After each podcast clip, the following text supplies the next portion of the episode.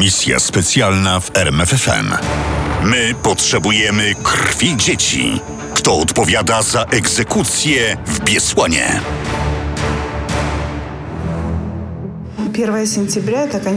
1 września był dla nas wszystkich bardzo ważnym świętem. Nasz syn szedł do pierwszej klasy. Przed szkołą spotkaliśmy się z sąsiadami, również pierwszoklasistami.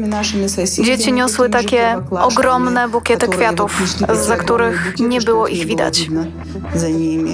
Jeszcze w czasach Związku Radzieckiego 1 września obchodzony był nie tylko jako początek roku szkolnego, ale również jako święto wiedzy. Organizowano oficjalne uroczystości i akademie, ale też imprezy plenerowe. Takich różnorodnych atrakcji spodziewały się dzieci szkoły podstawowej nr 1 w Biesłanie. Biesłan. Zaledwie 35-tysięczne miasto nad Terekiem w Osetii Północnej. We wrześniu 2004 roku znalazło się na celowniku Szamila Basajewa. Szamil Basajew. Dla jednych wielki czeczeński patriota. Dla innych czeczeński terrorysta. Czeczenia od niemal 10 lat próbowała wybić się na niepodległość. Kiedy nie pomogły apele na forum międzynarodowym i powstanie w kraju, radykalny odłam Czeczeńców chwycił się metod terrorystycznych. W miastach Rosji zaczęły wybuchać bomby. Najgłośniejsza akcja miała miejsce w 2002 roku, kiedy terroryści zamknęli się z zakładnikami w teatrze na Dubrowce.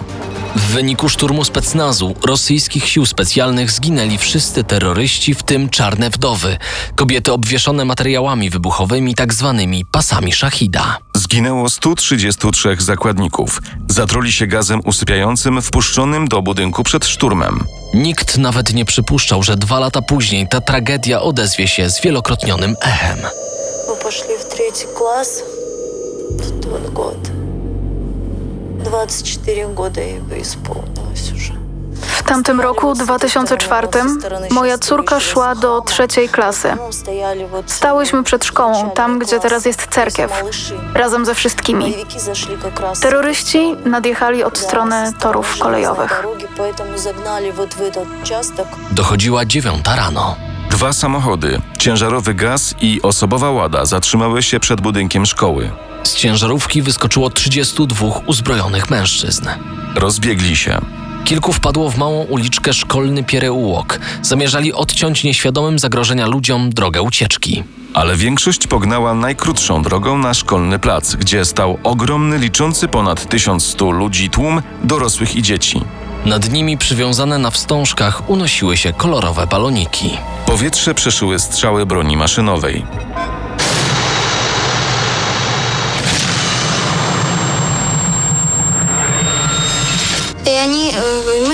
Najpierw myśleliśmy, że pękają balony. Nie było żadnej paniki. Mama mówiła, że pewnie strzelają saluty. Dopiero później, jak poszło buch, buch, buch, jak zaczęli strzelać, to wszyscy się przestraszyli. Zaczęli uciekać. Panika opanowała cały tłum. Uciekajcie! Uciekajcie! Tam są uzbrojeni ludzie!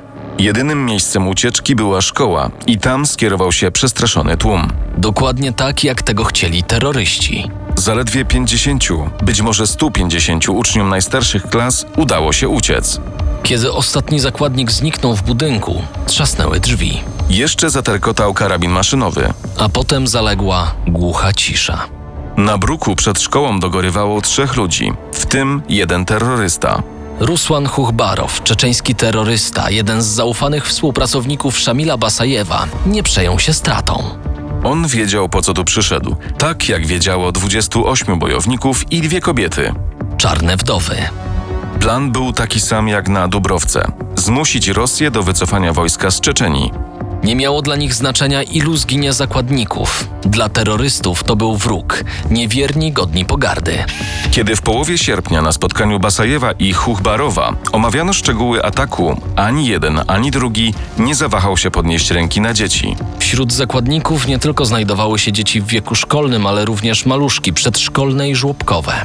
Najmłodsi zakładnicy mieli zaledwie roczek, a być może nawet kilka miesięcy. Skąd tak małe dzieci w szkole? Otóż nie wszystkie remonty w przedszkolach i żłobkach zakończyły się przed końcem wakacji. Cztery z dziewięciu przedszkoli w mieście nadal nie pracowały, ponieważ matki nie miały z kim zostawić dzieci, zabrały je ze sobą. Zakładników zaganiano do sali gimnastycznej. Sadzano ich na podłodze, ciasno, tak by nie mieli swobody ruchu. Ponad 1100 osób. Nad ich głowami na dwóch linach przywiązanych do koszy od koszykówki uczepiono domowej roboty ładunki wybuchowe. Pozostałe rozłożono wokół sali pod ścianami. Tatiana Kodzajewa i jej rozpoczynająca trzecią klasę córka Elina siadły przy ścianie pod tablicą do koszykówki. Gdy już znalazły miejsce tuż przed nimi, terrorysta zabił jakiegoś mężczyznę. Potem rozstrzelano kolejnych dwudziestu, ale najpierw kazano im zabarykadować drzwi i powybijać szyby w oknach. Dlaczego wybrano akurat tych 20? Wszyscy byli wysocy i dobrze zbudowani, a więc stanowili potencjalne niebezpieczeństwo. Już po godzinie tłum zakładników wiedział, że terroryści nie uszanują nikogo, bez względu na wiek i płeć. Babcia płakała. Prosiła, puśćcie dziecko, a ja zostanę. A on odpowiedział, nam starych nie potrzeba, my potrzebujemy dzieci. Próbowano uspokoić płaczące dzieci, głównie strzelając nad głowami tłumu.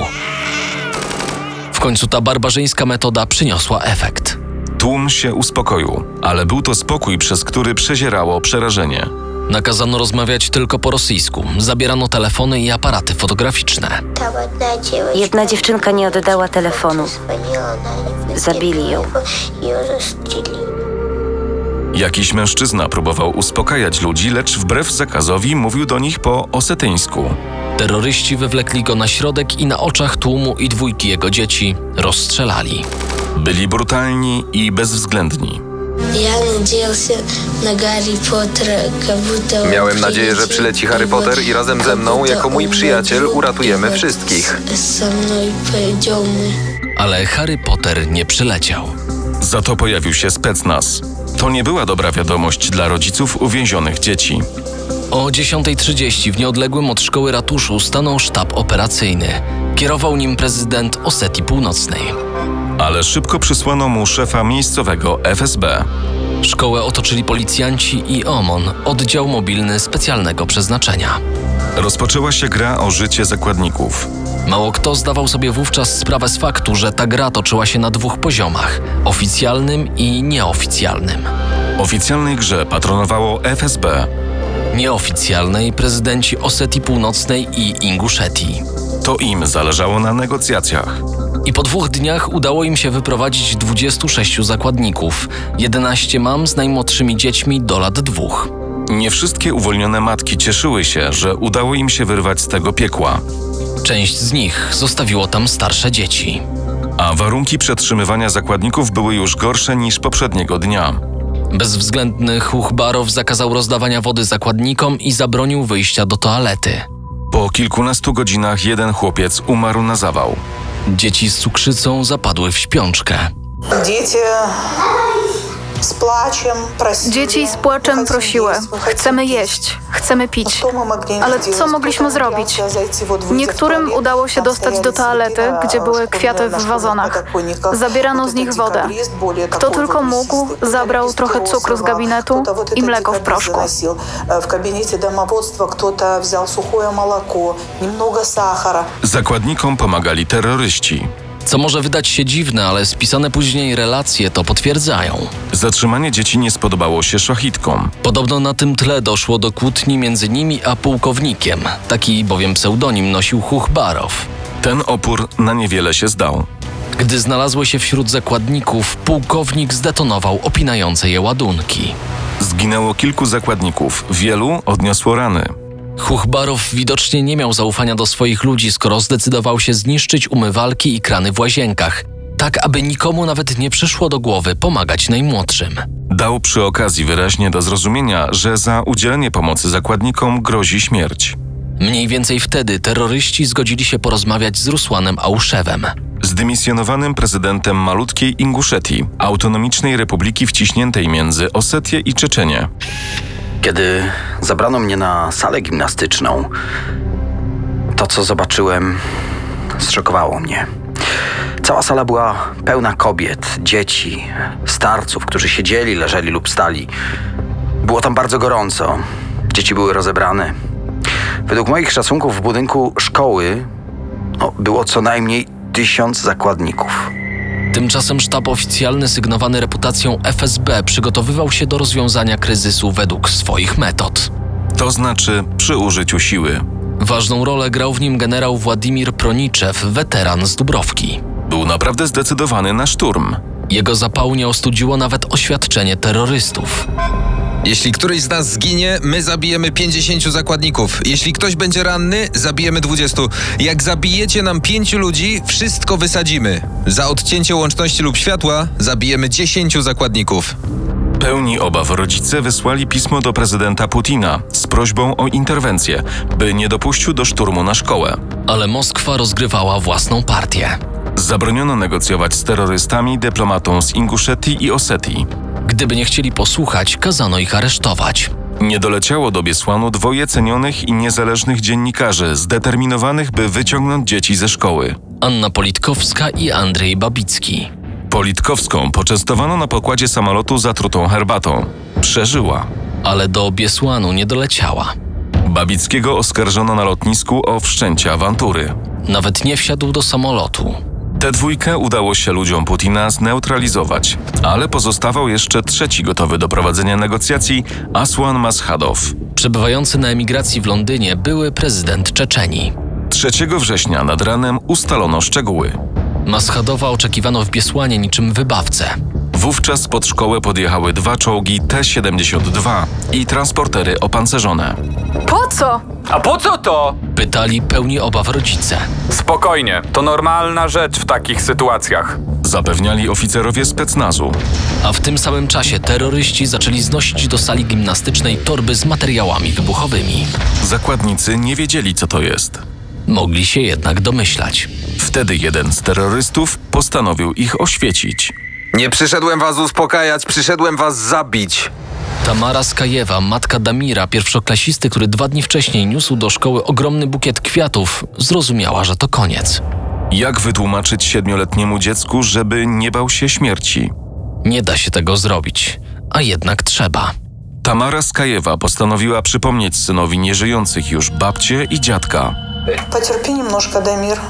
Wytrzymaj jeszcze troszkę, Damir. Za niedługo będziemy u naszej babci i dziadka. Oni nas nakarmią. W ten sposób uspokajaliśmy dzieci i przygotowywaliśmy je na to, co miało nadejść. Nadeszło o 13.03. Salą gimnastyczną wstrząsnął pierwszy wybuch. 22 sekundy później kolejny. Minęło 20 minut i zebrani wokół szkoły ludzie usłyszeli trzeci wybuch. Gdy przebrzmiał, na dachu sali gimnastycznej pojawiły się płomienie.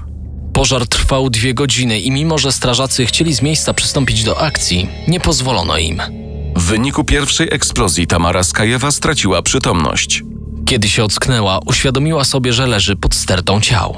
Pomyślała, że terroryści zabijają zakładników. Zaczęła się wygrzebywać, a kiedy już jej się to udało, zobaczyła stojącego obok Czeczena. Kiedy go zobaczyłam, zrozumiałam, że teraz mnie zabije. Ale on podał mi rękę, pomógł wstać i powiedział: Uciekaj stąd, zaraz wszystko wybuchnie. Uciekła, omijając ciała zabitych dzieci i rodziców. Nad nią wysoko płonął dach. Zbudowane z tworzywa sztucznego pokrycie topiło się i ściekało na dół na ludzi wrzącymi kroplami. Wtedy zrozumiała, że w tym piekle swojego syna Damira nigdy nie znajdzie. W efekcie eksplozji przytomność straciła również Tatiana Kodzejewa. Kiedy się ocknęła, zaczęła szukać córki Eliny. Znalazła ją. Razem schowały się w kącie przy ścianie. Musiały uważać, bo snajper ostrzeliwał salę gimnastyczną z dachu sąsiedniego bloku. Co było potem, Kodzajewa nie pamięta. Znów straciła przytomność. Eksplozje nie tylko wyrwały ramy okienne, ale również część muru. Powstała dziura, przez którą uciekali dzieci i dorośli. Terroryści nie zamierzali nikogo puszczać wolno, za uciekającymi posypały się strzały z broni maszynowej. Nie wszystkim udało się uciec. Przez cały ten czas wokół szkoły trwała chaotyczna strzelanina, w której decydującą rolę grały czołgi i broń ciężka, w tym granatniki i miotacze ognia trzmiel. Oprócz specnazu i OMON-u do walki włączyli się ojcowie. Wielu z nich miało broń.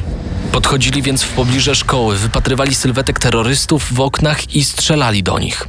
Gdy tylko przez wyrwę w murze uciekły pierwsze dzieci, milicjanci utworzyli szpaler, którym ewakuowano ofiary zamachu. Pomagali w tym ojcowie. Zasada była prosta: łapano pierwsze z brzegu dziecko i uciekano z nim tam, gdzie znajdowały się karetki pogotowia. Pewien mężczyzna złapał biegnącego ku niemu chłopca i nie przyglądając się mu, zaczął z nim uciekać.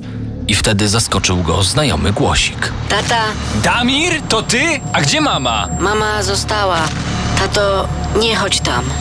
Mamy już nie ma.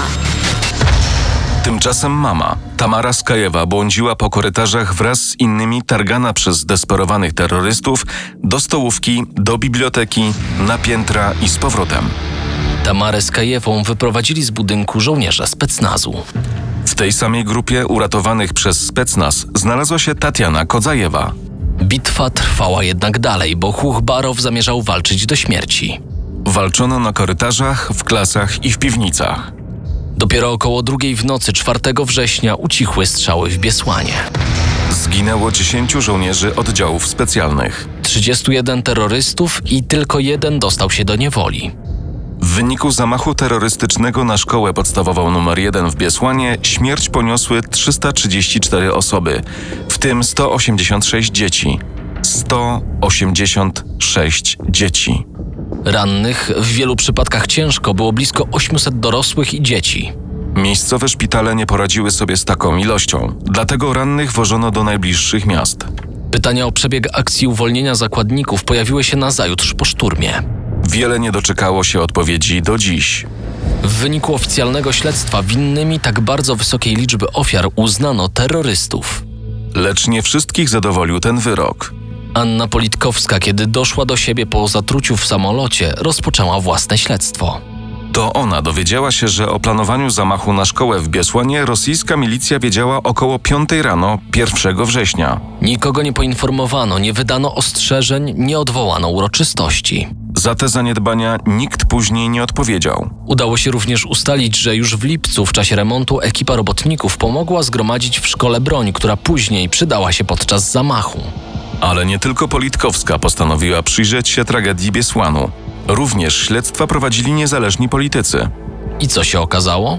Według tych dochodzeń, popartych zdaniem naukowych ekspertów, trzy pierwsze wybuchy w sali gimnastycznej były wynikiem ostrzału z rosyjskich sił specjalnych z granatników i miotaczy ognia.